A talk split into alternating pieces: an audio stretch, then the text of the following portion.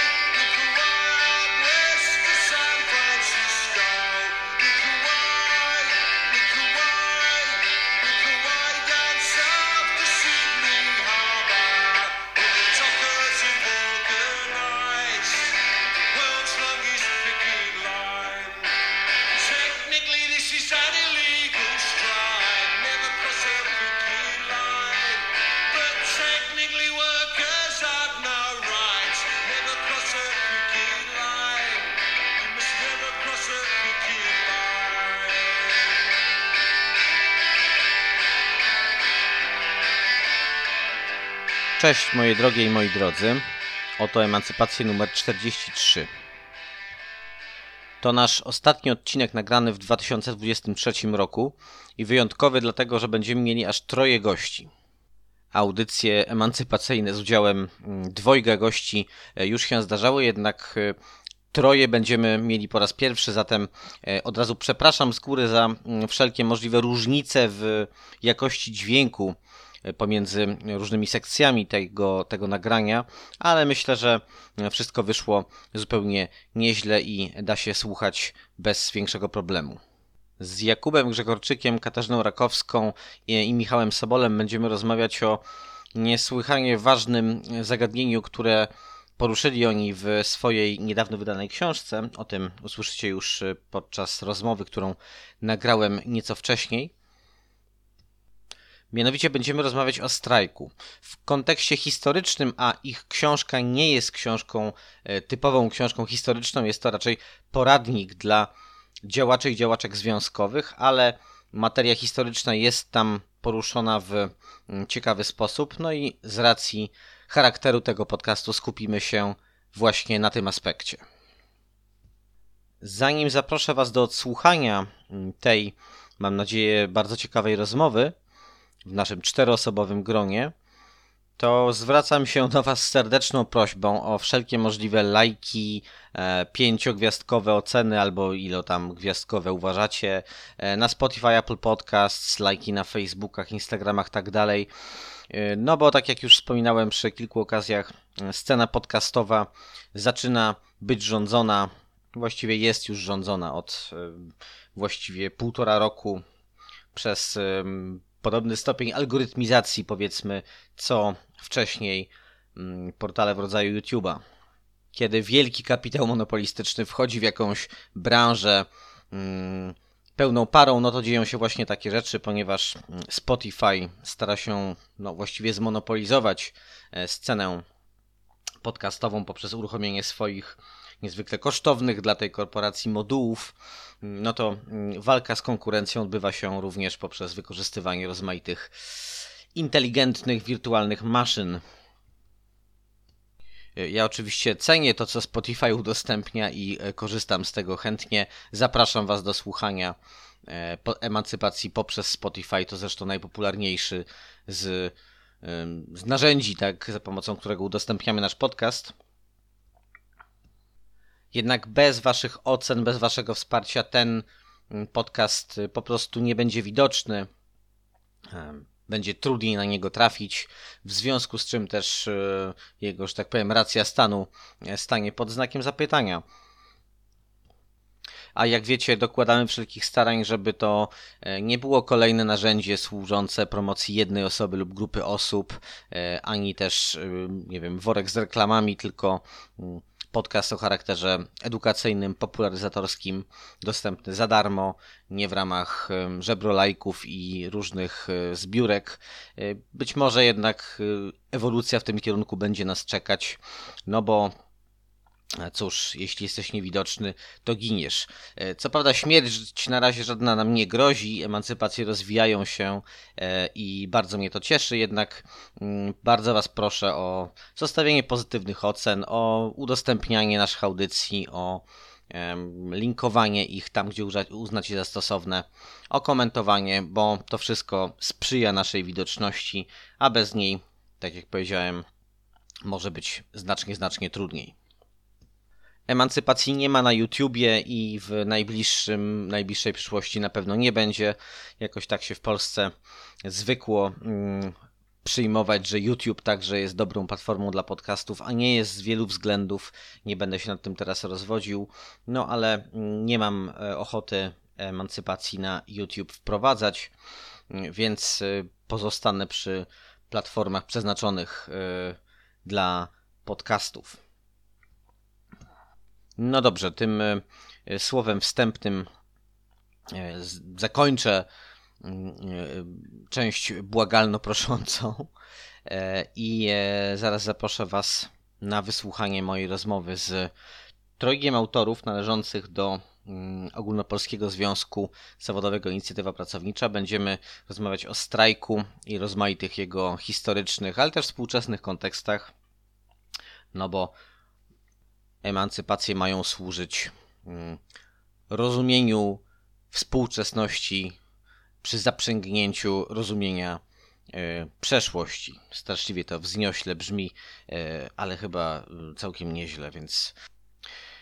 Aha, słowo o muzyce, która pojawia się w tym odcinku, ponieważ jak zauważycie, będzie jej nieco więcej niż zazwyczaj, a to dlatego nie będę tutaj zdradzał kto wykonuje e, konkretne fragmenty konkretnych utworów, które pojawiają się w odcinku. Część z Was zapewne znakomicie kojarzy te związkowo-strajkowe klasyki, e, ale ten e, motyw, a raczej ten zbiór motywów muzycznych posłuży mi do powrotu do playlist emancypacyjnych, które swego czasu publikowałem na Spotify jako mm, no taki wątek towarzyszący konkretnym odcinkom. Nie da się raczej skomponować playlisty do każdego tematu, ale e, myślę, że działalność związkowa i strajki to bardzo wdzięczny temat, który do, doczekał się e, no, wielu mm, odzwierciedleń w kulturze muzycznej e, i wielu znakomitych utworów od folkowych klasyków po współczesny hip-hop. Zatem nie liczcie na, e, teraz na wyjaśnienia, kto wykonuje konkretne utwory pojawiające się w odcinku, ale zajrzyjcie za czas niedługi na Spotify. E, Tam będą te i wiele innych utworów związanych z tematyką strajkową i około strajkową, związkową. Mm, Kolejna playlista zatem już w drodze. E, No dobrze, zaproszę Was już teraz na mm, rozmowę, która została nagrana kilka dni temu. Picket line to keep the scabs out of the mine. Who's going to win the strike? Come on, and we'll show you the way. We went out one morning before daylight, and I was sure we'd have a fight, but the scabs was careless, ran away. But we went back the very next day. Come on, friends, and let's go down, let's go down, let's go down. Moimi gośćmi w picket 43 line. odcinku są członkowie Inicjatywy Pracowniczej Ogólnopolskiego Związku we Zawodowego Inicjatywa Pracownicza i autorzy, autorki książki e, Spór zbiorowy i strajk, poradnik dla działaczy i działaczek związkowych. Jakub Grzegorczyk, członek Komisji Krajowej mm, Inicjatywy Pracowniczej, odpowiada w tej komisji za e, szkolenia i za mm, działalność informacyjną. Katarzyna Rakowska, członkini inicjatywy pracowniczej i doktorantka mm, na Wydziale Socjologii UW, a także Michał Sobol, doktorant na Uniwersytecie Warszawskim, zajmuje się prawem pracy e, i również należy do Komisji Krajowej e, IP, Inicjatywy Pracowniczej. Witam Was serdecznie. Wielkie dzięki, że przyszliście do emancypacji. Będziemy rozmawiać o książce, która wyszła we wrześniu. Książka ukaz- ukazała się nakładem e, Waszego mm, związku zawodowego. Ona e, z jednej strony zawiera sporo materiału z badań naukowych, e, które Kasiu, ty przede wszystkim, jak rozumiem, prowadzisz tak w ramach swojej pracy naukowej, ale też jest rezultatem długoletnich doświadczeń z działalności związkowej, z działalności organizowania pracowników i pracownic w wielu branżach. E, Ale chciałbym e, najpierw Was spytać, o czym jest ta książka e, według Was i właściwie dlaczego powstała. W zamyśle, jak zabieraliśmy się za tą książkę, to miało być rozszerzenie materiału, który, którego używamy podczas szkoleń nakierowanych na tematykę sporu zbiorowego i strajku. E, I ponieważ tych e, materiałów, e, różnego typu informacji, zarówno prawnych, jak i praktycznych, zebrało nam się aż tak dużo, że mm, po prostu przerodziło, prze- przerodziło się to troszkę tak naturalnie w pełną publikację książkową. Ale jak zaczęliśmy ją przygotowywać, to w międzyczasie też pomyśleliśmy sobie, czy wydyskutowaliśmy, że dobrze byłoby poza taką prawną i praktyczną wiedzą też dać jakiś taki szerszy kontekst, tak? To znaczy, e, jakie jest w ogóle w działalności związkowej znaczenie strajku, e, jakie, jaką wagę ma to narzędzie dla działalności związkowej, dlaczego jest tak, że no naszym zdaniem, jako o, osób zaangażowanych w inicjatywę pracowniczą, to narzędzie jest ważniejsze i bardziej skuteczne e, od innych, którymi dysponują związki zawodowe. Jak zaczęliśmy już to rozbudowywać, to też powróciła kwestia mm, planów, e, jeszcze bardziej zaostrzenia e, e, procedury regulującej prawo do strajku w Polsce, czyli po prostu nowelizacji ustawy o rozwiązywaniu sporów zbiorowych, więc stąd z kolei się wziął rozdział czwarty kończący, kończący tą książkę, gdzie, gdzie postanowiliśmy tak omówić jak się zmieniało, czy też jak próbowano w Polsce zmienić prawo do strajków e, na przestrzeni ostatnich 20-30 lat e, i jak to, jak to wygląda na tle innych krajów Unii Europejskiej, co na ten temat tych zmian sądzą organizacje związkowe, tak naprawdę głównie inicjatywa pracownicza, bo pozostałe związki nie, nie przykładają do tego tematu aż tak dużej wagi Mhm. jak my. O, Mhm. tak Mhm. dyplomatycznie powiem. Okej, e, Ponieważ jesteśmy w podcaście historycznym, było nie było, no to skupimy się właśnie na tym jednym z tych kontekstów, e, o którym e, wspomniałeś, mianowicie o historii, na historii strajku. Właśnie, to oczywiście temat niezwykle rozłożysty, więc będziemy go z konieczności traktować wycinkowo. Jednak wasza książka zaczyna się od takiego komponentu historycznego, od rozdziału co to jest strajk i dlaczego strajkujemy. Mm, Oczywiście jakby literatura na temat, czy to naukowa, czy taka e, wspominkowo-biograficzna, bym powiedział, nawet e, różnych działaczy, działaczek związkowych, to jest bardzo e, rozbudowana tradycja, tak, ale mm, ta książka jest, myślę, bardzo wartościowa ze względu na to, że właśnie poprzez ten kontekst jakby wprowadza też do aktualnych zagadnień prawnych, organizacyjnych z polskiego podwórka, tak, to bardzo ważne. Natomiast ym, no jakbyśmy chcieli na chwilę wejść na taki poziom e, meta, czy po prostu poziom bardziej ogólny, no to zadałbym wam takie pytanie. Historycznie rzecz ujmując, strajk to jest podstawowa forma walki e, podporządkowanych e, w każdej właściwie znanej społecznej formacji, formacji społecznej, e, jak to Karol Marx e, nazywał, e, czy to jest feudalizm, czy kapitalizm, E, czy realny socjalizm. Jakie y, w takim razie są historyczne formy strajku? Strajku rozumianego jako przede wszystkim właśnie przerwanie pracy, tak? E, I czym one się różnią od dzisiejszych, tych spotykanych współcześnie? tych strajków, form strajków, rodzajów strajków mamy wiele z tego powodu właśnie, że one historycznie się rozwijały mm, ze względu na i sposób produkcji i organizację miejsca pracy, więc historycznie wytworzyło się wiele form strajków. i o nich chciałabym przez chwilę powiedzieć.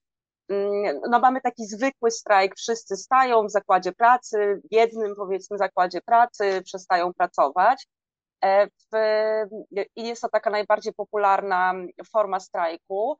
E, historycznie mieliśmy do czynienia z takimi strajkami jak, e, czy można to nazwać strajkiem, no może działalnością po prostu przeciwko pracodawcy, która łączyła się ze strajkiem, a jest mało popularna w tej chwili, czyli na przykład sabotaż, niszczenie maszyn, niszczenie mienia zakładowego, y, czyli mm, przerwanie pracy poprzez destrukcję maszyn, przy których się pracowało, więc w tym, w tym sensie moglibyśmy mówić o strajku.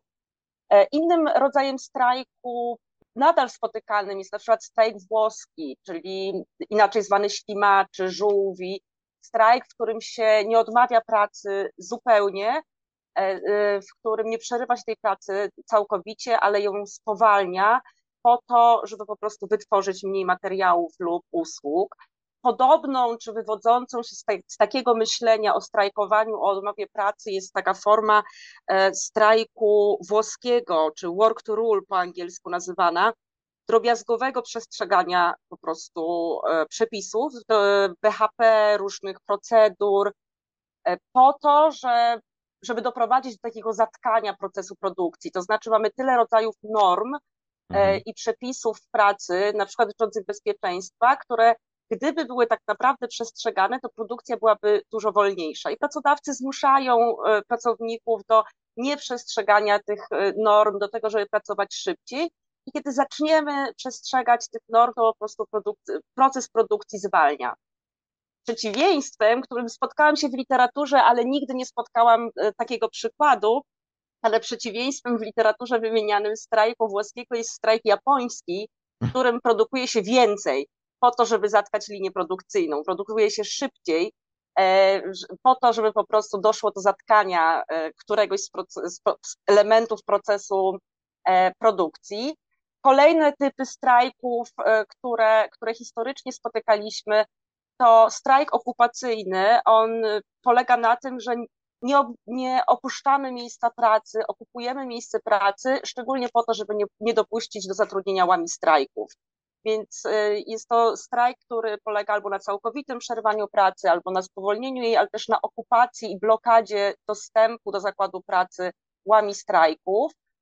Bardzo ciekawą formą strajku, rzadko spotykaną obecnie w Polsce, mm, czy w ogóle na świecie, jest strajk czynny, czyli strajk, w którym przejmujemy zakład pracy, ale produkcja trwa, tylko ona jest e, wykorzystywana na potrzeby społeczności, strajkujących, czyli nie przerywa się pracy, nie przerywa produkcji, ale sprzedaje ją i zyski z niej przeznacza na społeczność lokalną bądź na e, strajkujących.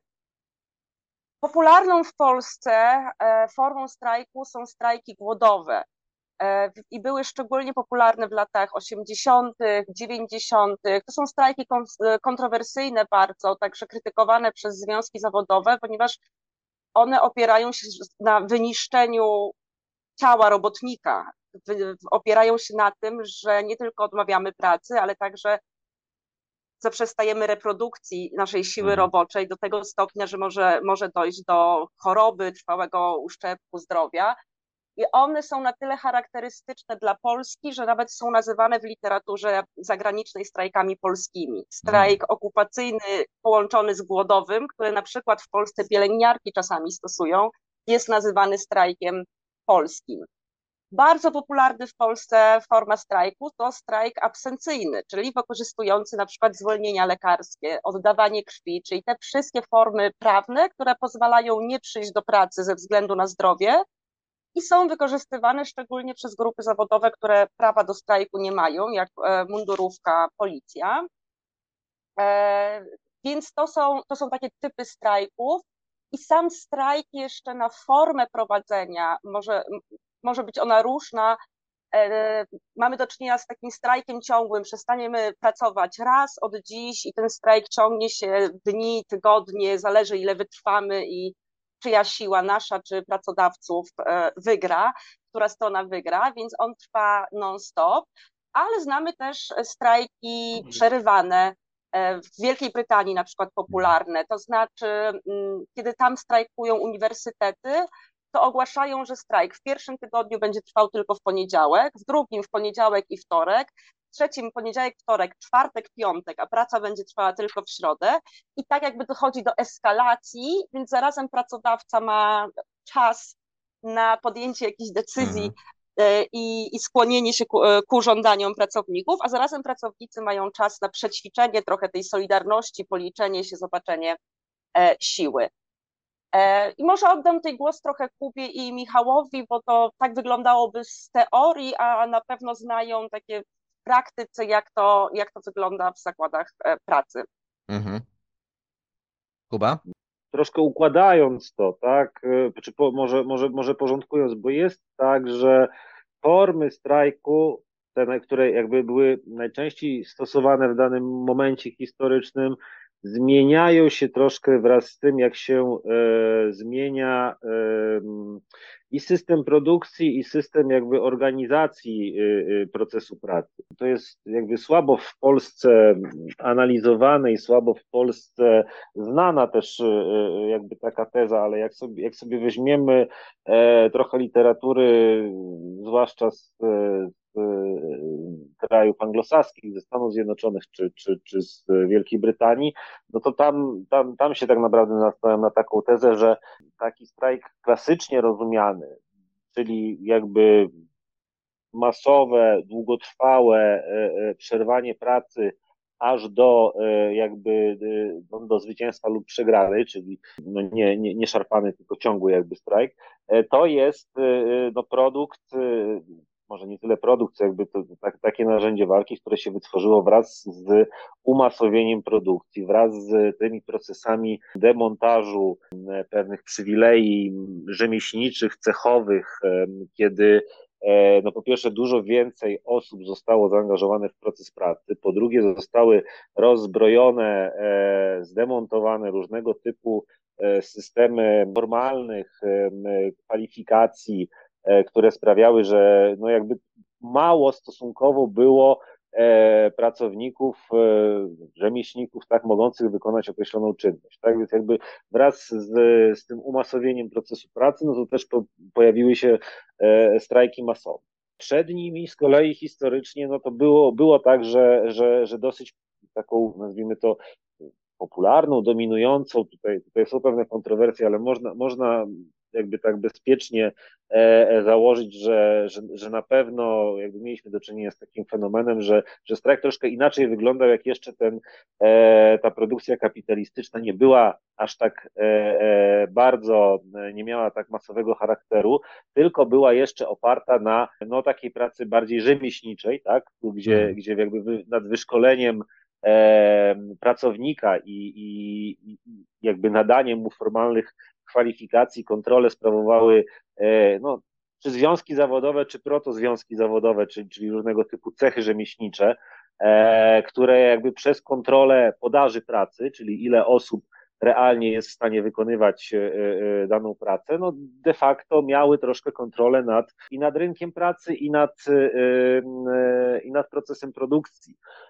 I sytuacja, w której maszyniści, mechanicy, tak, zorganizowani w, w, w, w takim czy innym związku zawodowym, albo cieśle, albo mm, szefcy, tak, jakby obejmowali jakiś e, e, zakład pracy czy jakiegoś pracodawcę bojkotem, czyli u tego, tak, pana, pana X nie nie będziemy pracować, nikt z, naszego, z naszej organizacji pracować nie będzie do czasu, aż nie spełni naszych żądań albo nie zaakceptuje określonego standardu pracy, no to to była taka forma strajkowa, e, nazwijmy to poprzedzająca ten, ten, e, te strajki, które znamy i które, które są rozpowszechnione obecnie, no, związana z tym też, jak, jak wyglądał proces pracy. Na przykład strajk włoski, no to też jest fenomen, który się pojawił wraz z taką formalizacją niektórych e, branż, niektórych zawodów, e, czy kolei, czy ochrony zdrowia, czy poczty, e, wszędzie tam, gdzie, gdzie jakby proces pracy jest regulowany przez bardzo dużo zasad, procedur, reguł i na poziomie ustawowym, i na poziomie takich wewnątrzzakładowych regulacji, no to jakby w tych, w tych branżach, w tych miejscach pracy strajk włoski jest no, taką formą, która jest częściej praktykowana, czy jest popularna, czy, czy, czy, czy, czy, czy możemy ją zaobserwować no częściej od innych, tak? Zwłaszcza, że to też najczęściej mówimy tutaj o zawodach, które jednocześnie są zazwyczaj ustawowo pozbawione prawa do strajku. Tak, tak, tak można na tą ewolucję spojrzeć. No teraz jesteśmy oczywiście w takim momencie, gdzie wydaje mi się, że nie ma jakiejś takiej szczególnej formy e, akcji strajkowej, która by była, no nie wiem, bardzo związana z tym, jak wygląda gospodarka współczesna tak, w XXI wieku. Raczej, raczej, raczej mamy coś takiego, że jest Mhm. pewien miks, tak? E, gdzie z jednej strony, e, nie wiem, służby mundurowe albo administracja państwowa próbują albo form strajku włoskiego, albo tego, tego strajku absencyjnego. E, Zdarzają się cały czas strajki klasyczne, e, zdarzają się strajki dzikie, więc tutaj mamy jakby, nazwijmy to, te, te, te wszystkie różne historyczne, skumulowane doświadczenia są w tej chwili wykorzystywane, chociaż e, no niestety oczywiście rzadziej.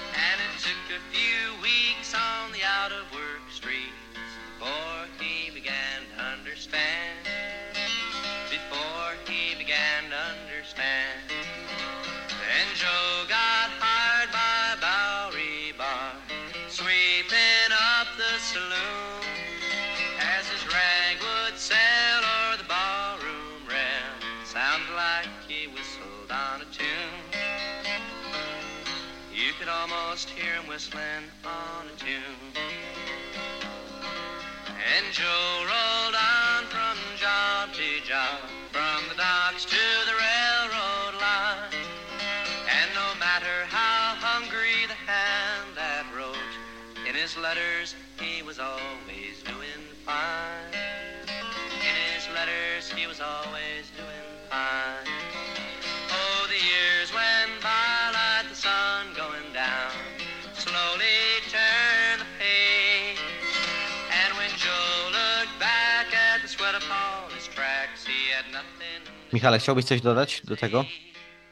E, Tak, a czy przede wszystkim na początku może się podpisać pod tym, co powiedziała Kasia i Kuba. I rzeczywiście tak jest, że gdzieś tam jak się historycznie próbujemy znaleźć e, korzenie czy to prawa do strajku, czy strajku samego w sobie jako narzędzie polityczne, narzędzie e, walki o swoje prawa, no to e, oczywiście pewnie gdzieś tam nawet w starożytności można jakieś pierwsze przykłady znaleźć, jakieś pierwszych form strajkowania, chociaż no, ciężko w tych źródłach na ten temat znaleźć, że to się właśnie w ten sposób nazywało. Pierwsze jakieś takie no, określenia to raczej przełom gdzieś tam XVIII-XIX wiek, czyli wraz z tą rewolucją przemysłową, e, czyli ten no, sposób funkcjonowania gospodarki i zmian e, form pracy jakby nam, nam to rzeczywiście przyniósł. E, jakby dodając do tego wszystkiego, co było powiedziane, trochę kamyczek z mojego prawnego ogródka, Mhm. e, to, to rzeczywiście na początku, kiedy mieliśmy tą taką erupcję strajków, e, no właśnie w tym okresie rewolucji przemysłowej i, i, i tam częściowo jakby w Polsce, na, te- na przykład na ziemiach polskich pod, e, pod zaborami, no to ten, e, rzeczywiście ten termin na początku był taki trochę próżni e, i ten ruch związkowy, który organizował te, te strajki po prostu był no, gdzieś tam bardzo często sankcjonowany, ograniczany ze względu na jakieś tam naruszanie porządku. E, nie, bardzo często tego nie nazywano wprost strajkiem, tak po prostu w aktach prawnych. I co też miało swoje odzwierciedlenie, e, no chociażby w drugiej RP, gdzie nam się po raz pierwszy pojawiło gdzieś tam odesłanie do tego e, strajku w aktach prawnych i w tym słynnym manifestie rządu tymczasowego lubelskiego mieliśmy mowę o tym, że wszyscy obywatele mają wolność strajkowania. Mhm. E, I to jest niezwykle w kontekście Twojego pytania o formy strajkowania, niezwykle e, ciekawe zagadnienie, bo to, to, że wówczas w tej drugiej RP, na początku tej drugiej RP mieliśmy do czynienia z tym, tak, że mówiliśmy wówczas o wolności strajkowania, a nie prawie do strajku i też nie było de facto żadnego definicji legalnej, czym, czym strajk jest, to wówczas pozwalało chociażby na to, że że, że ten strajk mógł się odbywać czy to w sposób taki okupacyjny, czy taki włoski, czy, czy po prostu taki klasyczny e, poprzez zaprzestanie pracy. A czy oczywiście trzeba tutaj dodać przypis, że mimo tej, tego, że jakby legalnie było to dozwolone, to faktycznie było tak, że wiele z tych strajków w tamtym okresie było faktycznie często wręcz krwawo tłumione, E, No niemniej jednak jakby w samej tej sferze takiej prawnej w istocie było tak, że, że nie mieliśmy tego podziału, który jest teraz, że teraz tak naprawdę, kiedy mówimy o strajku i chcemy tak to nazwać, co to konkretnie jest, no to mówimy tylko o tej formie zaprzestania pracy e, bez y, jakichś takich właśnie tych wariantów, o których mówiliśmy, typu tam strajk włoski i tak dalej. I to, to tak, na, tak funkcjonowało przez y, całe lata dwudzieste. Dopiero w latach trzydziestych y, pojawiły się pierwsze akty prawne, które ograniczały strajk generalny e, i gdzieś tam było wprowadzone prawo, które e, przewidywało odpowiedzialność karną za udział w czymś takim. No ale dalej jakby w dalszym ciągu jakby nie mieliśmy tej definicji prawnej, co, co to dokładnie jest. W PRL-u ustawodawca się wycofał z określenia tego, czym, czym strajk jest, z tego względu, że wyznawano taką zasadę, że po prostu w tych, w tych czasach jakby nie ma potrzeby strajkowania, wobec tego nie muszą się władze tym No tak, uspołecznione środki produkcji, w związku z czym nie ma warunków kapitalistycznych, nie trzeba, nawet nie wolno strajkować. Tak, przepraszam, że ci wchodzę w słowo, ale to mi pozwala płynnie przejść do drugiego pytania, więc zaraz możesz kontynuować, ale jeśli pozwolisz, to jednak z tym się wtrącę, bo chciałem was spytać rzecz następującą. Strajki robotników i robotnic przemysłowych stanowiły podstawowy nośnik e, rozmaitych żądań demokratycznych właśnie w okresie PRL. I tutaj właściwie od lat tuż powojennych, y, w 1946 roku była olbrzymia fala strajków y, y, na ziemiach odzyskanych i w Łodzi, i w kilku jeszcze innych miejscach, y, aż po te wszystkie bardziej znane przełomowe momenty, tak 56, 68, 70, tak dalej, 80 rzecz jasna. I w latach 80 w ogóle kilka było tych fal. No ale chciałem was spytać właśnie o taki polityczny kontekst, tak, bo o ile w PRL-u te strajki najczęściej były tłumione dość brutalnie przy użyciu y, przemocy, trzeciej RP, tak, po ustanowieniu, po restytucji kapitalizmu, no i ustanowieniu demokracji liberalnej, no mamy y, y, dalej niesłychanie trudne mm, warunki do prowadzenia akcji strajkowych i w ogóle, wielu akcji pracowniczych. Zatem w pewnym sensie ta, ten, ten nasz obecny ustrój jest spadkobiercą tego PRL-owskiego na tym odcinku. E, Natomiast y, no, z, z drugiej strony jest on też ufundowany na legendzie Solidarności, tak? I chciałem spytać o taką rzecz, no z jednej strony oczywistą, z drugiej strony jednak warto się może zagłębić trochę w różne takie konteksty związane właśnie z samym, z, z kwestiami pracowniczymi. Dlaczego jest tak, że w kraju ufundowanym na tej legendzie solidarnościowej e, tak trudno jest y, zorganizować strajk ze względu właśnie na bariery o charakterze prawnym z jednej strony, a z drugiej e, o charakterze ideologicznym. Michał, jeśli chcesz, to możesz kontynuować, myślę, bo ci się wciąłem, ale jak jeżeli wolicie inną kolejność, to proszę bardzo. E, Okej, e, no przechodząc od razu do odpowiedzi na to pytanie, dlaczego dzisiaj jest to tak bardzo trudne e, i jak to się nam łączy z tym, zwłaszcza od końcówką PRL-u, no to przede wszystkim w Polsce przyjęto model wykonywania właśnie prawa do strajku po, polegający na tym, że aby mogło, można było z niego skorzystać, aby można było go zorganizować, to trzeba wcześniej spełnić e, kilka innych etapów dojścia jakby do tego, e, do tego momentu w, poprzez swego rodzaju takie negocjacje z pracodawcą. I mamy takie po prostu normatywne przesłanki e, dojście do tego. Odchodząc od tego, jak to było w PRL-u, dzisiaj to tak pokrótce przez przedstawię. Wygląda to tak, że przede wszystkim na początku musimy wystąpić do pracodawcy z żądaniami. Oficjalnie tak myśleliśmy, że chcemy tego, tego i tego. Ten e, katalog żądań dzisiaj jest ograniczony, nie można prosić o wszystko, o co tylko się chce e, i to jest pod taką sankcją, że jeżeli tego się nie spełni, no to po prostu cały ten spór może być e, zgodny z prawem. W dalszym ciągu, no, kiedy już złożymy te żądania, to prowadzimy tak zwane e, rokowania z pracodawcą, czyli po prostu negocjujemy, czy pracodawca zgodzisz się na to, a czy w związku zawodowym chcesz ustąpić z tego.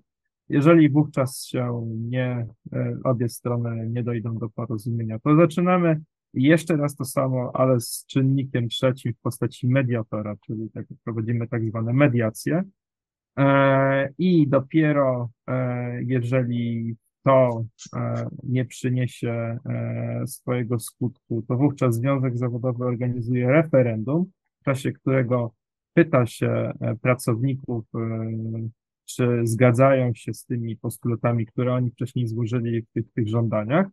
No i jeżeli, i tutaj bardzo ważne, w tym referendum osiągnie się wynik ponad 50% przy obecności ponad 50% y, załogi, wówczas możliwe jest y, zorganizowanie strajku, czyli jest to taka wieloczłonowa procedura, która w czasie potrafi się nieraz bardzo, bardzo, no miesiącami, nawet latami e, faktycznie toczyć. E, wobec czego no, konstatacja jest taka, że nie można pewnego dnia stwierdzić, że nie podobają nam się te warunki pracy, a pracodawca nie chce nas słuchać, więc zatrzymujemy pracę. No przede wszystkim nie mogą tak to po prostu pracownicy tego zrobić, gdzieś tam dogadując się na kantynie, w szatni i tak dalej, tylko to musi być związek zawodowy, musi być to cała formalna procedura E, dochowana. No i e, jak nie trudno się domyślić, jest to bardzo, bardzo skomplikowane i co bezpośrednio przekłada się na to, e, że, że tych strajków jest faktycznie mało, samych sporów zbiorowych jest faktycznie mało, tak samo jak jest po prostu relatywnie mało z, w ogóle związków zawodowych w polskiej gospodarce. No wiele osób zadaje pytanie, dlaczego tak jest. No i można wskazywać na dwa typy odpowiedzi. No, po pierwsze jest oczywiście taka polityczna, e, wynikająca jakby z tego, jakby jaki interes powiedzmy za tym stał, gdzieś tam ogólnie. E, to może zostawię Kasi do, do, do przedstawienia, bo bardzo, bardzo fajnie i referowania tego zazwyczaj. A natomiast druga, drugi, drugi typ odpowiedzi, no to jest jakby to, jak to, jak to wygląda faktycznie w naszym systemie prawa bo problem jakby jest e, taki, że nawet gdybyśmy powiedzieli, że jakaś sprzyjająca związkom zawodowym siła polityczna doszłaby do władzy, żeby to zmienić na sposób taki bardziej przyjazny e, dla takich e, bardziej aktywnych związków zawodowych, to, to jest, jest trochę rzeczywiście przeszkód i barier to, w tym momencie założonych w naszym systemie, żeby to, to zmienić. E, no pierwszy jest taki, e, że w naszej konstytucji, gdzie jest też mowa o tym, że mamy jako tam związki zawodowe prawo do strajku, jest też e, taki artykuł, zwłaszcza 20, który nam mówi o tym, czym jest społeczna gospodarka rynkowa. No i on, poza tym, że tam jest mowa o solidarności i własności prywatnej, i, i swobodzie prowadzenia działalności gospodarczej, to jest też mowa o tym, że opiera się ta społeczna gospodarka rynkowa na dialogu i współpracy partnerów społecznych. I to wydaje się tak na pierwszy rzut oka taki w miarę neutralny, e, w miarę neutralne zagadnienie, e, które dawałoby się mogło, że chodzi po prostu to, żeby ze sobą dyskutowali ci pracodawcy z pracownikami.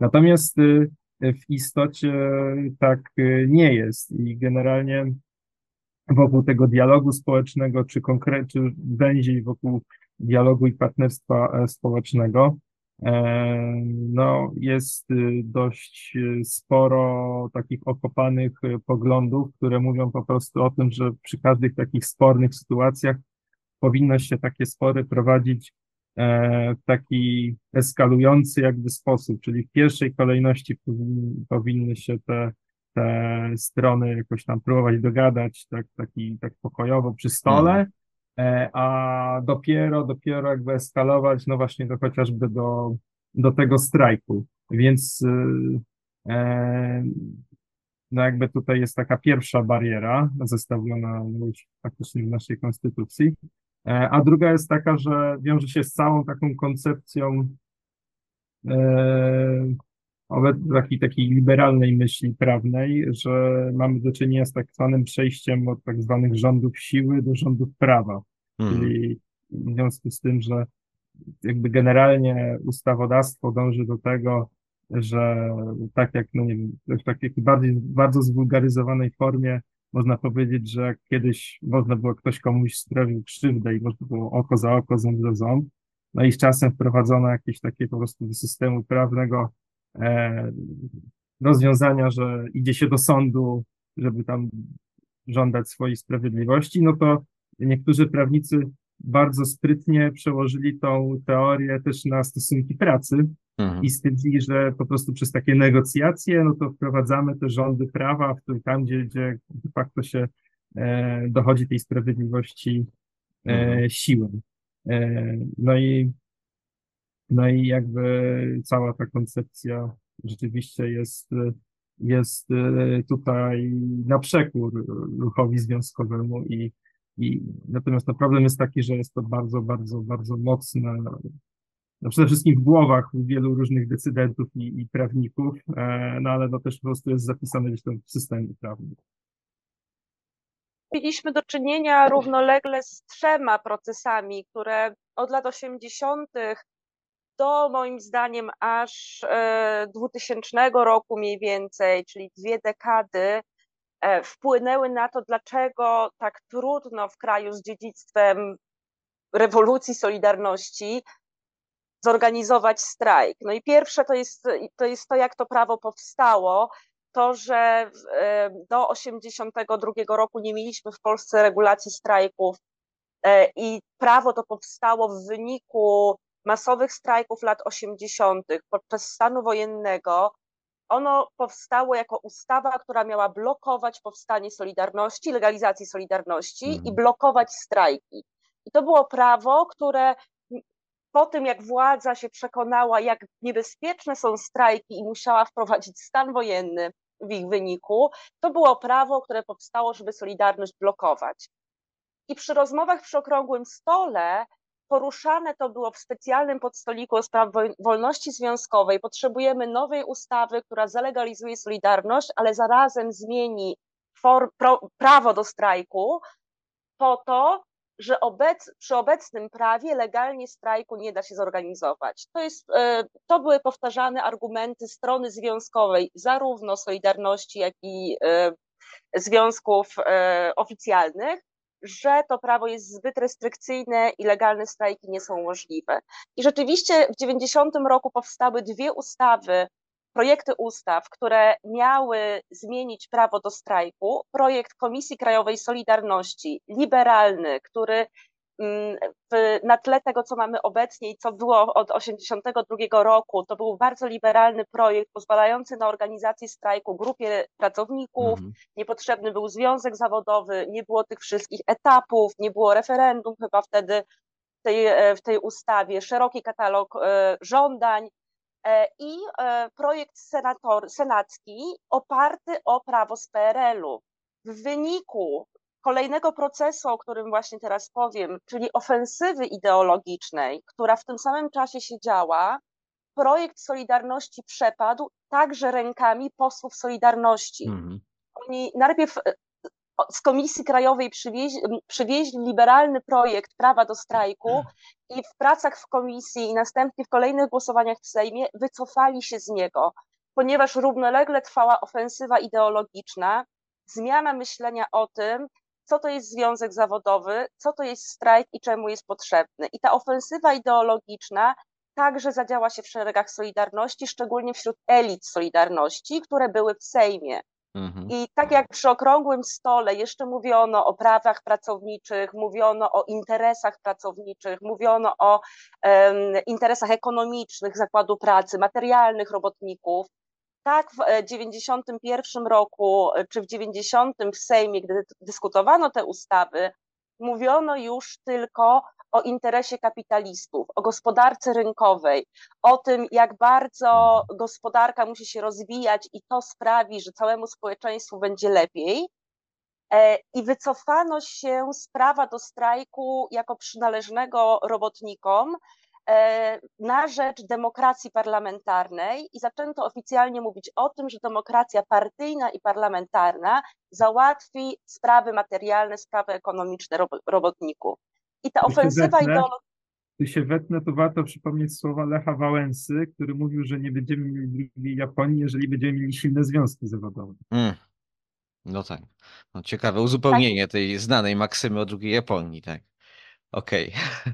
E, I ta ofensywa była na tyle silna, ideologiczna, że także sami e, robotnicy uwierzyli w obietnice kapitalizmu. Na przykład badania zespołu profesora Gardawskiego robione w latach 90., kilkakrotnie przez lata powtarzane, pokazywały, że robotnicy wierzą, że wolny rynek e, polepszy ich sytuację materialną, więc do bardzo restrykcyjnego prawa doszły nam zmiany w sferze ideologicznej i e, wiary w to, jakie są narzędzia do poprawy bytu pracownika niezbędne, ale nie zapominajmy, że całe lata 90. trwały brutalna, trwała brutalna pacyfikacja strajków i protestów pracowniczych, bo to jest Mhm. to, o czym rzadko już pamiętamy.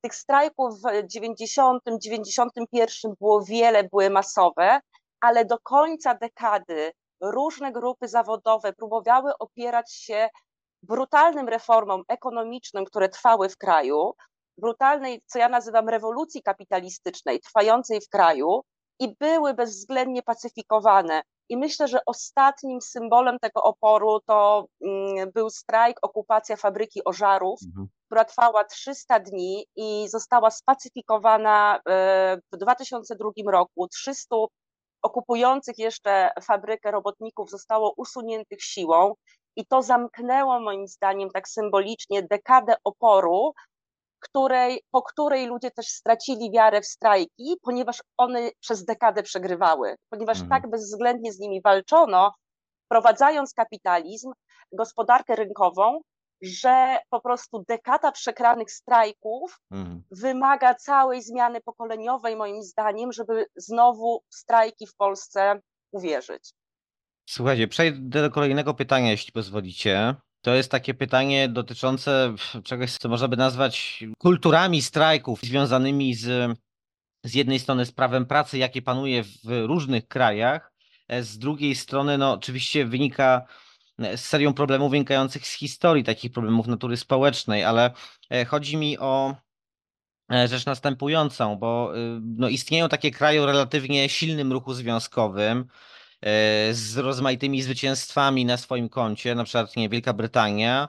Tyle, że tam w tej Wielkiej Brytanii ostatni strajk generalny odbył się w 1926 roku. Z drobnym przystankiem jeszcze na taki strajk w Irlandii Północnej, nazywany strajkiem generalnym, ale to rzecz dość też specyficzna. To w latach 70. Jest też Francja, tak, w której scena związkowa jest sceną dość silną, tak, rozbudowaną, ale jakby ogół uzwiązkowienia, czy poziom uzwiązkowienia pracowników we Francji jest tak naprawdę niski. I pewnie można by mnożyć przykłady, które zawierają w sobie takie sprzeczności. No ale tak, jeśli chodzi o tę Wielką Brytanię, no to e, każdy wie, kim jest Margaret Thatcher, tak? Nie, nie jest powszechną wiedzą, tak?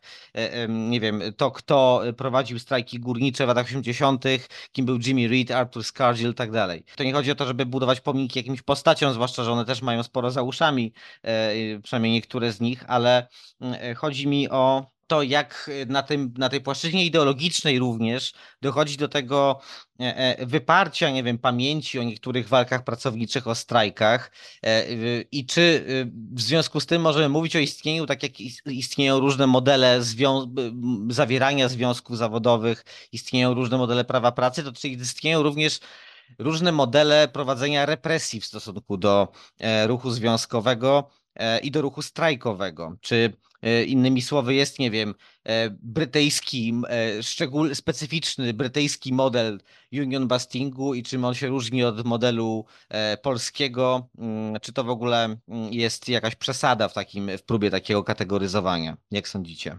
Ja bym powiedział tak, że jeżeli chodzi o e, taki szeroko pojęty Zachód, to znaczy Europa, Stany Zjednoczone, to to jest raczej, ja, ja przynajmniej nie dostrzegam jakichś bardzo istotnych różnic. Na pewno jest różnica między tym, w jakich warunkach, jakby, jaka jest reakcja, czy jakie są próby tłumienia strajków pomiędzy, pomiędzy właśnie krajami Zachodu, a, a, a tym, jak wygląda sytuacja, nie wiem, w Ameryce Południowej, Afryce czy, czy Azji, tak? Jakby na globalnym południu, ogólnie rzecz biorąc, to takie bezpośrednie odwołanie się do siły państwowej, e, czyli tłumienie strajku za pomocą e, jakichś sił zbrojnych, e, takiej e, państwowej przemocy jest e, dużo częstsze, tak? Europa jednak e, raczej to jest jedno z no, jakichś tam sukcesów ruchu związkowego. Tutaj rzadziej dużo się zdarzają takie akcje pacyfikacji strajków. Dużo częściej jest to e, jakby wy- wydaje mi się, że w większości krajów zachodnich to raczej to są interwencje e, tego typu, że mamy takie e, de- decyzje władz wykonawczych zakazujące strajku, tak? Przede wszystkim odwołujące się do, do takiej linii porządku publicznego albo konieczności zapewnienia minimalnego poziomu usług e, dla społeczeństwa. To w, ostatnich latach były, e, były przypadki właśnie z, krajów skandynawskich. Mechanicy lotniczy w Norwegii, jeżeli dobrze pamiętam, od, od, otrzymali zakaz strajku. W Finlandii strajku zakazywano w ochronie zdrowia pielęgniarkom, E, więc jakby to są, e, to, to, to, jest taka nazwijmy jedna forma, w jakiej się, w jakiej się ograniczanie strajków e, obecnie e, w Europie przejawia. I druga to jest taka anglosasko, anglosaska, tak, gdzie, gdzie jest to użycie prawa cywilnego, przeniesienie go na grunt e, zbiorowych stosunków pracy i jakieś próby pozywania związków zawodowych o straty e, wywołane nielegalną akcją strajkową. No to, jest, to, jest coś, co e, to jest rozpowszechnione w, Stanach Zjednoczonych, e, co jest, e, zdarza się w Polsce, chociaż na szczęście nie w jakimś e, bardzo szerokim e, zakresie. I to, to jest też jakby jedna z form, e, w jaki na przykład Margaret Thatcher zwalczała strajki górnicze. Tak więc ja bym, ja bym może takie e, nie wiem, kierunki, tak, nurty Mhm. wyróżnił. Kasiu, Michale, czy ktoś coś chce dodać z Was? Ja mogę dodać tylko, że widzimy pewne ogólnoeuropejskie nowe trendy i to są, to jest zwalczanie związków zawodowych i strajków na drodze sądowej, zarówno przed Europejskim Trybunałem Sprawiedliwości, jak i sądami krajowymi. I w, od 18 już roku widzimy zdecydowane przyspieszenie w sądach krajowych w decyzji w, na poziomie różnych państw europejskich, Finlandia, Norwegia, ale też Polska, zakazów strajków. I to jest dosyć nowa, rozwijana w ostatnich dwóch de- dekadach metoda, która się coraz częściej e, zdarza, czyli sądowy zakaz strajku. Mhm.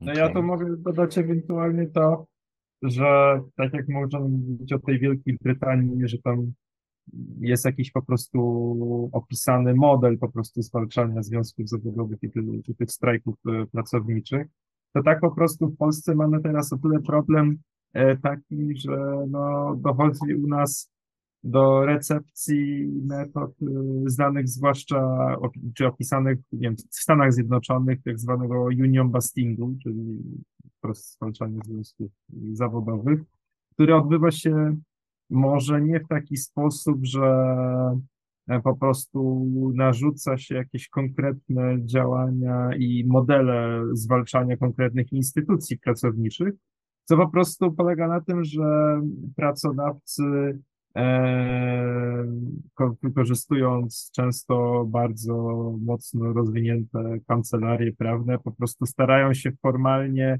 rzucać takie kłody pod nogi pracownikom, gdzie tylko się da.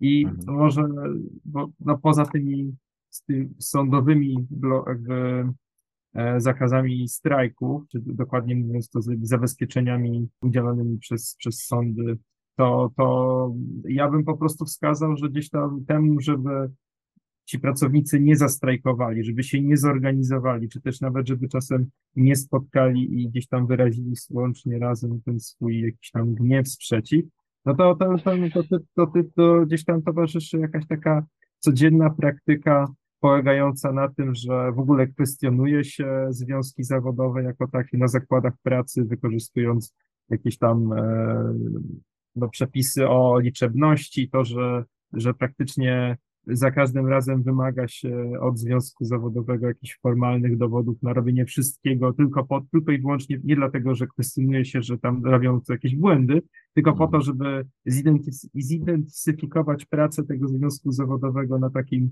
e, na takim e, odcinku formalnym, żeby oni nie zajmowali się tym e, właśnie jakąś dyskusją z pracownikami, z dyskusją z, prac- z pracodawcą, e, tylko no po prostu E, jest tak, że wykorzystuje się to, że często, no to zwłaszcza takie bardziej aktywne związki zawodowe, które nie są zrzeszone koniecznie w takich dużych centralach i nie mają na przykład dostępu do jakichś tam po prostu prawników czy porad prawnych, no to wykorzystuje się to, że, że, że gdzieś tam się straszy, że tutaj jakiś wielki pan mecenas domaga się odpowiedzi na jakieś tam pismo, że tutaj trzeba zrobić to i tamto.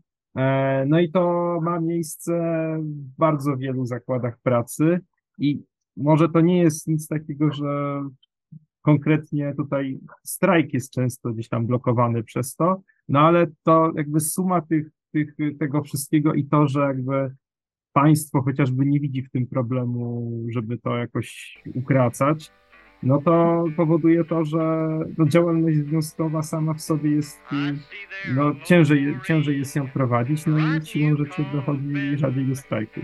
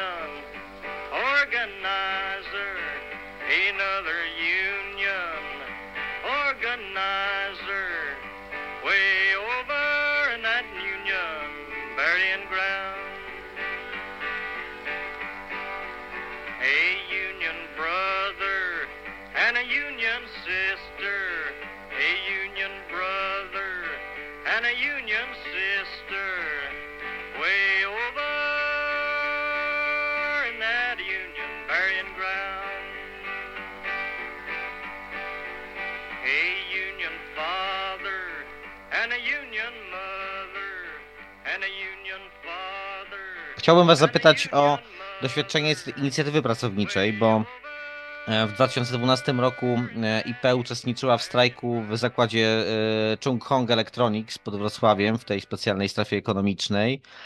W 2018 roku w polskich liniach lotniczych LOT, w latach 2016 i 2023, więc to świeża sprawa.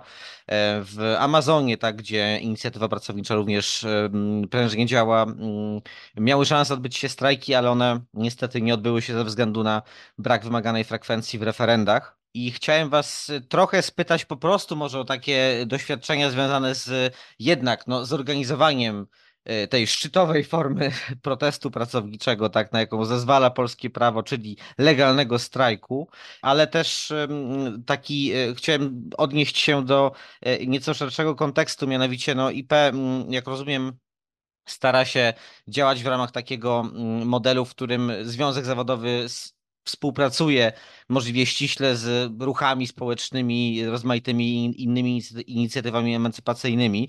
I chciałem spytać o taki praktyczny wymiar tej e, sprawy, bo to jest oczywiście bardzo rzecz e, e, szlachetna i bardzo dobrze brzmiąca często na płaszczyźnie teoretycznej. W praktyce bywa różnie, jakby nie chodzi mi tylko o doświadczenia IP w tym kontekście, ale też szerzej. Jakie są według Was takie godne zainteresowania, może godne naśladowania, przykłady strajków, niewielkich rewolucji tak historycznych, kiedy to konwergencja różnych żądań, wielkich klasowych ruchów tak doprowadziła do takich, a nie innych wydarzeń, ale takich strajków, w których faktycznie doszło do kooperacji rozmaitych ruchów społecznych e, z ruchami pracowniczymi i kiedy rzeczywiście coś istotnego z tego wyszło. E, więc takie dwuczłonowe pytanie. Z jednej strony o te doświadczenia IP, z drugiej strony właśnie o ten social movement unionism, jak z angielskiego moglibyśmy powiedzieć, ale o taką właśnie na takim praktycznym poziomie. To musielibyśmy pewnie najpierw coś wyjaśnić, że w locie to nie my. E, no, ja wiem, ja wiem, ale powiedziałem, że e, IP wzięła udział, tak? Nie, że. A, w sensie, że wspierała. No tak, tak. E, tak, tak, no bo ta, ta, tak było. Kasia, ty miałaś pomysł na to pytanie. Rozmawialiśmy o tym. Te doświadczenia Polski, mm, ale także Europy ostatnich lat trochę pozwalają podwątpiewać w strajk w ogóle, jaki on ma, jaki on ma sens i czy w ogóle jeszcze, jeszcze ma, ma sens. Stąd ja chciałam troszeczkę przypomnieć o tym, jakie w ogóle funkcje mają strajki i, i, i pokazać na przykładach, że to są bardzo ważne funkcje strajku, więc jest ta podstawowa spełnienie żądań i, i po prostu jest to jedna z, jedno z narzędzi pracowników do tego, żeby ich żądania zostały spełnione na zakładzie pracy, takie podstawowe narzędzie i w każdym zakładzie pracy ono może być e, stosowane. Dużym, dużą funkcją strajków jest ta funkcja właśnie więziotwórcza, integracyjna i, i tutaj, kiedy solidaryzujemy się ze strajkującymi pracownikami jakiegoś zakładu pracy, e, wytwarza się właśnie więź e, między ludźmi, między różnymi ruchami społecznymi, a zarazem poszerza nasza perspektywa. I myśmy wspierali ten strajk w, w locie, jeździliśmy, tam też e, grupy na przykład ze skłotu, przychodnia gotowały jedzenie, myśmy wspierali też strajk pielęgniarek w Centrum Zdrowia Dziecka, organizowaliśmy zbiórki e, żywności, napojów, dowoziliśmy, e, odwiedzaliśmy strajkujące na hali, gdzie one się zebrały w, w szpitalu. I dzięki temu zarówno pracownicy zyskują wsparcie moralne, czują się lepiej, a zarazem dla wszystkich ruchów emancypacyjnych czy grup e, związanych, zaangażowanych w ten opór poszerza się pewna perspektywa, dochodzi do wyjścia z myślenia tylko o własnych interesach i o własnych e, potrzebach.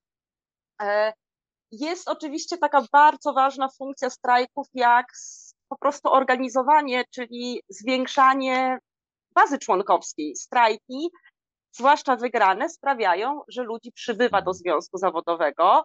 E, przegrane niestety sprawiają, że jest odpływ i w Polsce jest wiele mm, przykładów strajków, które zostały przegrane i przez to od, ludzie odpłynęli, ale wiemy, że po wygranych strajkach, konfliktach jest coraz więcej osób członkowskich, to jest bardzo ważna funkcja strajków.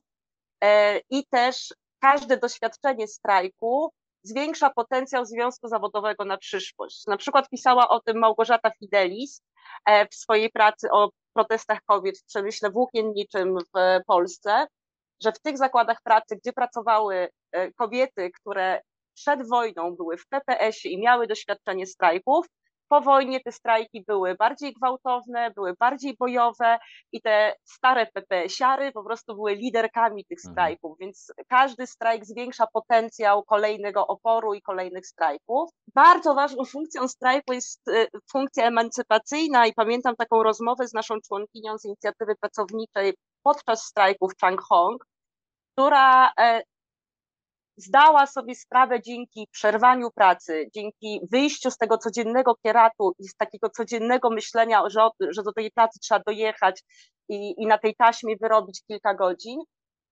Ona w trakcie strajku powiedziała, cytuję, ja to już nie chcę wracać do tej pracy, nawet jakbyśmy wygrali. Ja dopiero teraz widzę, jaka to gówniana praca jest. Mm. ponieważ samo doświadczenie przerwania pracy wbrew pracodawcy i takiemu wzorcowi kulturowemu zapierdolu Mhm. pozwala wyjść z myślenia o tym, że praca jest czymś naturalnym.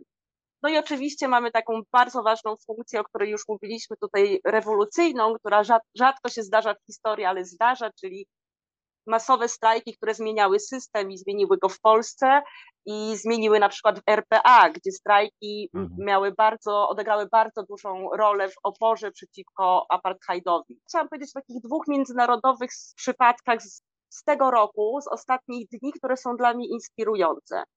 Jeden to jest e, trwający od października strajk pracowników Tesli w Szwecji, Mhm.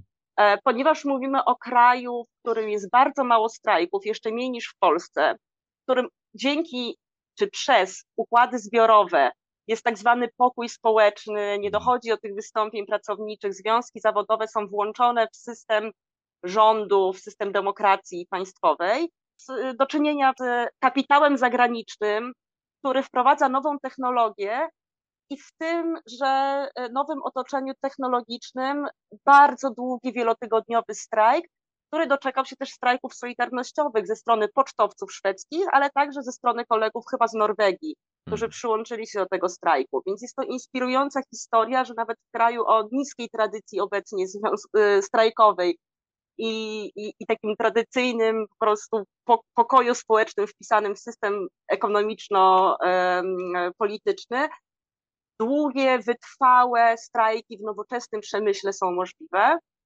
I drugi przykład z też ostatnich tygodni to są strajki bądź zapowiedzi strajków, deklaracje strajków w przypadku dostaw broni do Izraela Mhm. gdzie kilka, e, kilka krajów, związkowcy z kilku krajów na świecie, między innymi Wielkiej Brytanii, Belgii i Włoch w Europie, zapowiedzieli, że będą bojkotować załadunek broni i będą powstrzymywać wypłynięcie statków z bronią do Izraela.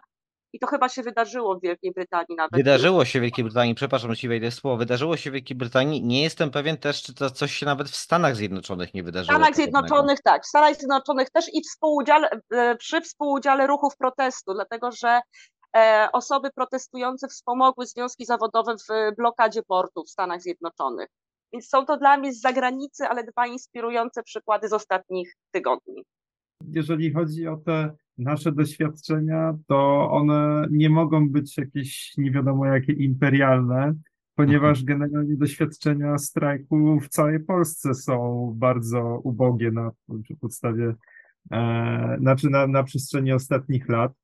E, to ja tutaj bardzo lubię w tym momencie przytaczać dane z rocznika statystycznego GUS-u e, dotyczące strajku i e, mam je tutaj zebrane. I jeżeli chodzi o lata 2015, 16, 17, 18, 19 i 20, to uwaga, jeżeli chodzi o strajki w Polsce, to było kolejno 14, 15, 1556, Który to rok? Siedem. Jeszcze raz? Ten e, tysiąc. 1556 to było w roku e, 2017. Mhm. W 2018 było ich 7 i w 2000, e, uwaga, e, 19 e, było ich 9835 i w roku 2020 było ich 27. E, więc Niezłe przeskoki. tak, więc poza 2019 i 2017 mamy praktycznie no, tych strajków e, jak na palcach obu rąk, tam z lekkim wzrostem w 2020, no i jakby z, można się spodziewać, że 2021 też będzie ta tendencja trochę wzrost, e, wzrastała. No i można, przede wszystkim trzeba zadać pytanie, no z czym się, co takiego się wydarzyło w tym e, 2017 i przede wszystkim w 2019 roku, że nagle jest taka erupcja wystąpień pracowniczych w Polsce. Mhm. E, No, odpowiedź jest prosta, strajki nauczycieli. E, No i e, na pewno z mediów e, kojarzymy, że to było takie, zwłaszcza w 2019 roku, to było takie wydarzenie jedno, że to nie było tak, że tam miesiąc, przerwa i znowu jakieś strajki, Tylko to gdzieś tam od, y, o ile dobrze pamiętam, jakoś od wakacji do jesieni gdzieś się to wtedy od, odbywało. E, Jeżeli nie, to mnie poprawcie, E, ale chyba jakoś tak. E, I, e, a nie, bo tam jeszcze matury, było blokowanie matur, to, to, to tak, to chyba jeszcze się zaczęło trochę wcześniej. Od 8 kwietnia do końca kwietnia. Tak, tak. Dlaczego było ich tak dużo? No właśnie dlatego, że też ten nasz model prawa do strajku w Polsce wygląda w taki sposób, że no nie mamy takiego strajku generalnego, powszechnego, gdzie możemy ogłosić takie zbiorowe zaprzestanie pracy w całej Polsce, tylko w każdym, u każdego pracodawcy musimy tą procedurę, o której powiedziałem na początku podcastu, e, ją rozpocząć. Czytaj, e, tak jak e, jeżeli chodzi o szkoły, w każdej osobnej szkole mamy te osobne spory zbiorowe, Mhm. czyli w jakiejś tam szkole, jeżeli mamy na przykład Warszawę i tych szkół, nie wiem, podstawowych jest tam z kilkaset, no to tyle samo, jeżeli chcemy w tych wszystkich szkołach zastrajkować, to tyle samo musi być sporów zbiorowych, a jeżeli w całej Polsce, no to w tysiącach szkół. I tak się rzeczywiście zdarzyło w 2019 roku. De facto takim adresatem politycznym tego strajku nie, były, nie byli ci dyrektorzy tych szkół, e, tylko de facto no często albo to był minister edukacji, albo to był, e, albo to były jakieś władze samorządowe, które, no, które to właśnie te władze mają wpływ na przede wszystkim na to, jak jest zorganizowana oświata, no i, przed, no i jak, jak, jak wygląda ta wynagrodzenia e, nauczycieli. E, to był taki kluczowy moment, który pokazał, e, jak bardzo duże trudności mamy, jeżeli nie mamy tej kategorii strajku generalnego, albo jeżeli po prostu ta nasza definicja strajku teraz po prostu nie pozwala na to, żeby coś takiego przeprowadzić. No i jak bardzo krótkowzroczny okazał się ustawodawca, po prostu ograniczając tą, ten spór zbiorowy tylko i wyłącznie do pracodawcy, jakby nie widząc, że ten strajk jest de facto takim demokratyczną formą, e, jakimś takim narzędziem właściwym dla pracowników, że nie tylko staramy się walczyć chociażby o nasze warunki pra, pracy na, tym, na tej linii pracodawca-my, e, tylko też gdzieś tam walczyć po prostu o, o te nasze warunki pracy jako prawa polityczne. E, więc konkludując, jeżeli chodzi o strajk nauczycieli, no to można powiedzieć, że tak bezpośrednio e, wówczas ci nauczyciele no, nie osiągnęli tych e, realizacji swoich postulatów, ale jednak no, warto zadać pytanie, czy, czy też jakby na pewno, no, teraz y, mamy szczególnie taki znaczący moment, gdzie mówimy o realizacji postulatu chociażby podwyżek dla nauczycieli. No i pytanie, czy rzeczywiście byłaby w ogóle o tym mowa, byłoby to gdzieś tam w debacie publicznej, gdyby to ten, ten strajk jako wydarzenie po prostu w przestrzeni publicznej się nie odbyło. No, można mieć tutaj różne opinie. Moim zdaniem jednak nie. Moim zdaniem to jednak to spowodowało, że gdzieś tam wywołało debatę o tym, jak wygląda praca w edukacji. E, No i też później te, to, ta debata wokół tego, jak dużo nauczycieli po prostu odeszło z zawodu z powodu tak niskich płac, tam przyczyniła się do tego, że gdzieś tam też ten postulat de facto trafił pod y, taką debatę polityczną, szerszą.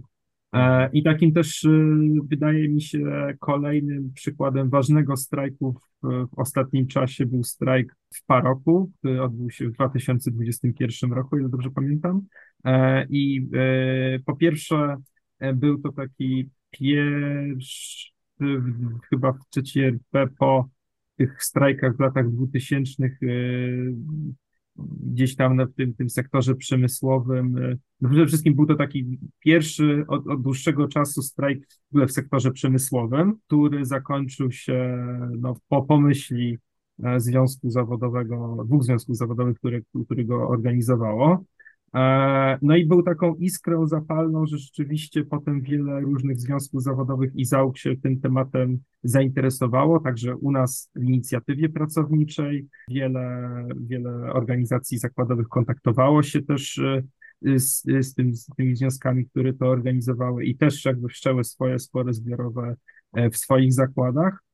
No i to też był taki znaczący strajk, bo on odbył się w fabryce, której wytwarza się wełnę budowlaną, bodajże, dobrze pamiętam, i tam polega ten proces produkcyjny na tym, że są takie wielkie wielkie piece, e, które, których się bardzo, znaczy bardzo ciężko jest je wygasić i wytwarza to liczne, e, no wygaszenie takiego wielkiego piecu no jest e, kosztochłonne dla pracodawcy. No i wcześniej, wcześniej można było się nieraz w różnych opracowaniach doczytać, że w przypadku właśnie, właśnie w takich przypadkach, no to je, może to być gdzieś tam podnoszone przez pracodawcę, że, że to już może być takie wykraczające poza, poza zwyczajny, dopuszczalny strajk, no bo to ten, ten współmierność tych zysków do strat jest, może być zbyt wysoka. No i okazało się, że jednak nie, że nie zawsze należy się tym kierować, że tak naprawdę to, czy będą te koszty, czy nie, no to zależy od pracodawcy, jak szybko się zgodzi też na tę realizację tych postulatów i czy do, ostatecznie dojdzie do tego wygaszenia pieca i jak na, jak na jak bardzo długo bądź nie. E, więc dało też po prostu to du, dużo takiej śmiałości pracownikom, że nawet w obliczu tego, że to nie jest tylko gdzieś tam wstrzymanie pracy w jakichś usługach, że to po prostu nie nabijamy po prostu nowych zysków, tylko też de facto pracodawca no, dużo traci, mhm. E, to jakby też e, nie zawsze musi się skończyć tak, że, że gdzieś tam będą te osoby potem szykanowane, czy jakaś odpowiedzialność karna, czy cywilna od nich. E, no i to, wydaje mi się, że to był taki bardzo, bardzo ważny moment. Dla mnie chyba najciekawszy to niestety jest przykład sprzed dekady, tak? bo to jest 2013 rok, ale wtedy się udało e, takiej międzyzwiązkowej koalicji, gdzie była i Solidarność, i OPZZ, i, i, i organizacje nadchodzące w skład FZZ-u, czyli tych trzech głównych central, na, na co dzień raczej śpiących i mało, e, mało bojowych, e, zastosować narzędzie strajku solidarnościowego, który w Polsce jest dopuszczalny, no, oczywiście jakby trudny proceduralnie do zorganizowania, ale da się go zrobić. I ono zostało zrobione, jakby wykorzystane po to, żeby jednodniowy na pół dnia zrobić strajk generalny na Śląsku. Jeżeli chodzi o jakby cały przekaz wokół niego, to był strajk przeciwko polityce uelastyczniania prawa pracy. To prawda półdniowy, ale jednak generalny i taki, w którym jakby udało się jednocześnie i zatrzymać część kursowania transportu publicznego i w edukacji trochę brało udział szkół e, i e, huty, więc jakby taki przykład na praktyczne przełamanie tego, co nam narzuca ten taki zbiorowy reżim stosunków pracy w Polsce, czyli taką sytuację, że każdy zakład pracy musi walczyć o siebie. E, I mhm. wydaje mi się, że powinniśmy po prostu bardziej też jako ruch związkowy ten przykład troszkę E, może nawet nie tyle analizować, co, co, co troszkę się nim zainspirować i próbować go e, przekuwać na e, po prostu powtarzać, tak? To znaczy, żeby, żeby próbować wspólniać postulaty i, i, i w jakiś sposób te akcje strajkowe koordynować pomiędzy różnymi zakładami pracy. To jest taki mhm. trochę zamierzchły. Lotu, przykład, który podałeś, jest moim zdaniem pod tym względem ważny, że to jest strajk, który jest zakończony sukcesem, to sukcesem w warunkach, kiedy pracodawca używał e, wielokrotnie tego jakby prawnego narzędzia, używał e, postanowienia sądu, które zakazywały strajki, zmuszały do e, przesuwania jego daty chyba trzy razy, jeżeli dobrze pamiętam, a mimo to załoga lotu której tradycyjnie się nie kojarzy z jakąś tam, nie wiem, radykalną, bojową postawą, tak? No bo to jednak są piloci, którzy mają duże pensje, to są stewardesy, mhm. e, czyli raczej taki, no, no wyższe segmenty, tak? Klasy pracującej, lepiej zarabiające, w lepszych warunkach pracujące. Przez ponad tydzień e, zmusili w końcu lot do wycofania tych e, e, zarzutów, które się pojawiały, że to jest strajk nielegalny, przywrócenia do pracy bezprawnie zwolnionej działaczki związkowej, no i jakby powrotu do rozmów na, na, na temat wynagrodzeń. To jest jakby pod tym względem ważny przykład, że da się nawet w sytuacji, kiedy pracodawcy stosują to najgorsze, jakby na, na, najstraszliwsze narzędzie, jakie mają. I z naszego trochę podwórka przykład, to znaczy to są dwa strajki dzikie, które były w Bydgoszczy w e, komunikacji miejskiej e, i w magazynie, e, który obsługuje firmę Zalando pod, pod Olsztynem, E, Bydgoszcz to jest ubiegły rok, 2022, Zalando to jest ten rok. Bydgoszcz był tygodniowym strajkiem o podwyżki, e, dzikim, jakby zupełnie bez, tam trwał spół zbiorowy, ale, ale, ale strajk wybuchł jakby e, niezależnie troszkę od niego. Pracownicy sami e, zatrzymali komunikację, wygrali te podwyżki. E, potem dopiero jakby rok potem y, ta osoby, osoby w tym uczestniczące dołączyły do inicjatywy pracowniczej i, i, i utworzyły tę komisję zakładową. Zalando była bardzo podobna historia, to znaczy tam był spontaniczny, chyba dwudniowy strajk e, przeciwko e, zmianie grafiku i, i wprowadzeniu pracy w e, soboty. To też coś, o czym się jakby mało, mało wie, mało mówi w, w, w Polsce.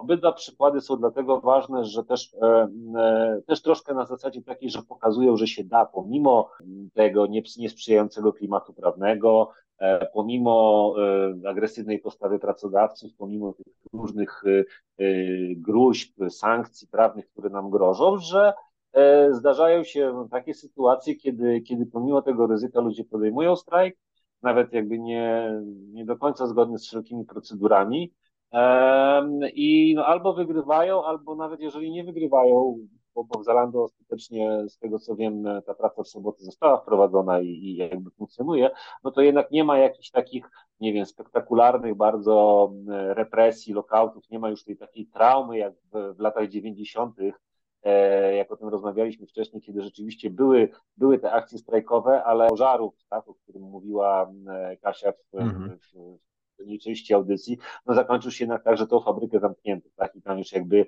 e, mimo tego, że tam był okupacyjny chyba kilkutygodniowy na pewno strajk, no to, to, to fabryki kabli wolarowej już nie ma. Tutaj mamy jakby takie przykłady, że mm, e, no albo są te podwyżki, tak, albo, e, albo zakład pracy funkcjonuje dalej, związki tam działają, nic się nikomu nie stało, więc, więc to nie jest tak, że jesteśmy w 100% na, na przegranej pozycji, już tylko możemy czekać, aż jakiś minister, mhm. poseł nas tutaj uratują.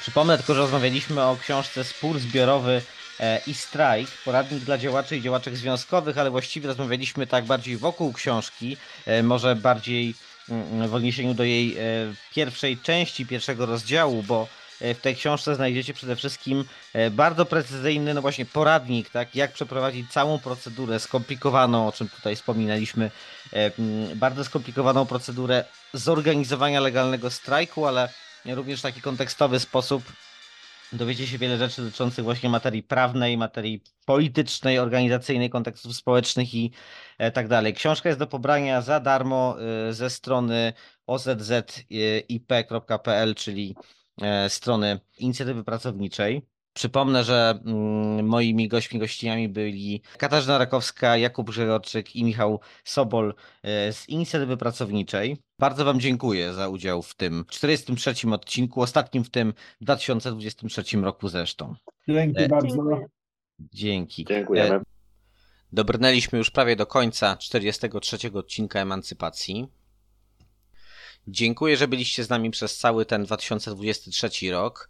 E, w następny wchodzimy z nowymi pomysłami, mm, ale jak to często w tym podcaście bywa, mm, albo raczej bywało, no, zwykłem tak deklarować i zapowiadać różne mm, kroki, których e, realizacji potem się nie doczekaliście. Więc y, no, nie będę już teraz pozwalał sobie na jakieś takie e, szumne deklaracje odnośnie tego, co to będziemy robić, czego nie będziemy robić, jak to się ten podcast rozwinie. E, Bez pieniędzy, ze zbiórek em, ten podcast na razie może istnieć w takiej formie, w jakiej istnieje i myślę, że jest to forma dobra, albo przynajmniej zadowalająca, na co wskazują wyniki słuchalności, które mnie cieszą i e, dziękuję Wam, że jesteście mm, z nami jeszcze raz. Powrócimy już w styczniu 2024 roku. Pr- Najprawdopodobniej, bo jeszcze tutaj e, grafiki wymagają mm, uszczegółowienia, terminy potwierdzenia, ale najprawdopodobniej będzie to bardzo ciekawy gość z zagranicy, więc mm, trzymajcie rękę na pulsie. Emancypacja numer 44 już e, bardzo niedługo. Nie jestem szczególnym entuzjastą życzeń noworocznych, bo mm, jak e, wspominał niegdyś Antonio Gramsci, e, nic tak naprawdę wraz z nowym rokiem się nie zmienia i to jest trochę kwestia naszego nastawienia mentalnego na odtwarzanie pewnych e, schematów czasowych.